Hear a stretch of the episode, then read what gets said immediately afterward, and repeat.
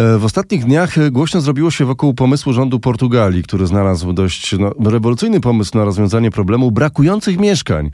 E, państwo da trzy miesiące właścicielom pustych domów i mieszkań na znalezienie lokatora. Jeżeli reakcji nie będzie, to gmina będzie szukać lokatorów. Jeżeli projekt rządu Portugalii przejdzie, no to rynek nieruchomości w tym kraju czeka prawdziwa rewolucja. Szacuje się, że około milion mieszkań w Portugalii stoi y, pustych. Z nami teraz zapowiadany gość, pan y, Tomasz Narkun, ekspert rynku nieruchomości. Witam pana. Dzień dobry panu, witam państwa. Czy w Polsce możemy mówić o podobnym problemie? Mamy dużo pustostanów?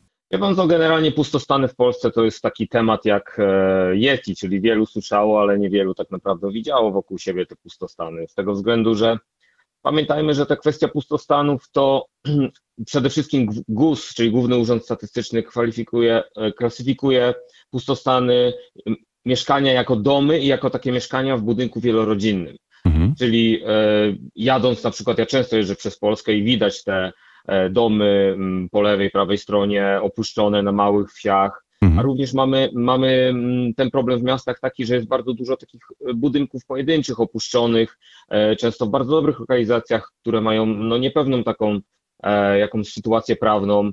Jest, jest też wiele pustostanów, które na przykład wynikają z tego, że ktoś wjechał za granicę do pracy i nie użytkuje na co dzień.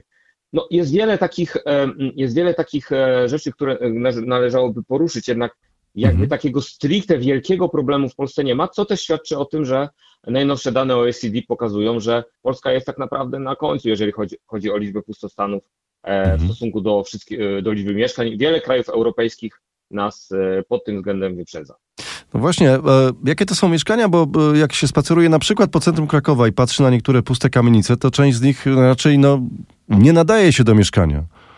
No dokładnie o tym mówię. To są często nieruchomości o zawiłym stanie prawnym, które tak naprawdę toczą się batalie jakieś o własność. Poza tym e, też w wielu gminach 60% wszystkich e, tych pustostanów to są lokale komunalne, które są obecnie w mhm. fatalnym stanie i nie są one zamieszkiwałe. Oczywiście mamy problem również taki, że mamy inwestorów, którzy kupują masowo kilka, kilkanaście, nawet kilkadziesiąt mieszkań jako tak zwana skarbonka inwestycyjna. No i E, wrzucają te pieniądze w nieruchomości, które stoją puste. Jest też taki proceder w Polsce.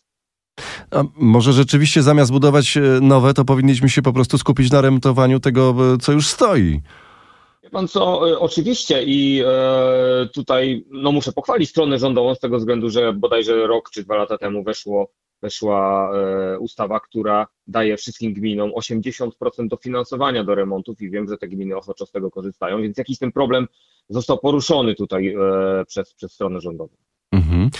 Pustostany to są e, też takie starsze domy, pan wspominał o tym, które coraz częściej można spotkać na wsiach i w e, miejscowościach, które się wyludniają.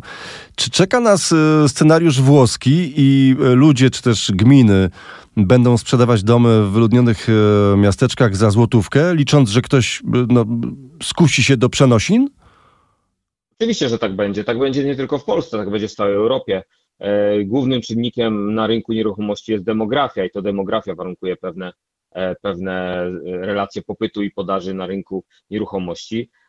Prawdopodobnie czeka nas centralizacja, czyli wiele osób będzie się skupiało wokół dużych ośrodków, a te małe ośrodki gminne, głębokie wsie, małe miasteczka, no czeka nieuchronne wyludnianie, w związku z tym e, bardzo wiele domów będzie tam opuszczonych, a Przypomnę też, że wejdzie przepis Unii Europejskiej, który będzie prawdopodobnie nakazywał nam, e, jeżeli odziedziczymy dany dom, mhm. remont danego domu, więc e, mhm. tutaj e, ten, kto będzie spadkobiercą takiej nieruchomości, będzie się dwa razy zastanawiał, czy aby przyjąć spadek, a być może wyburzyć ten dom i zostawić sam grunt. Mhm.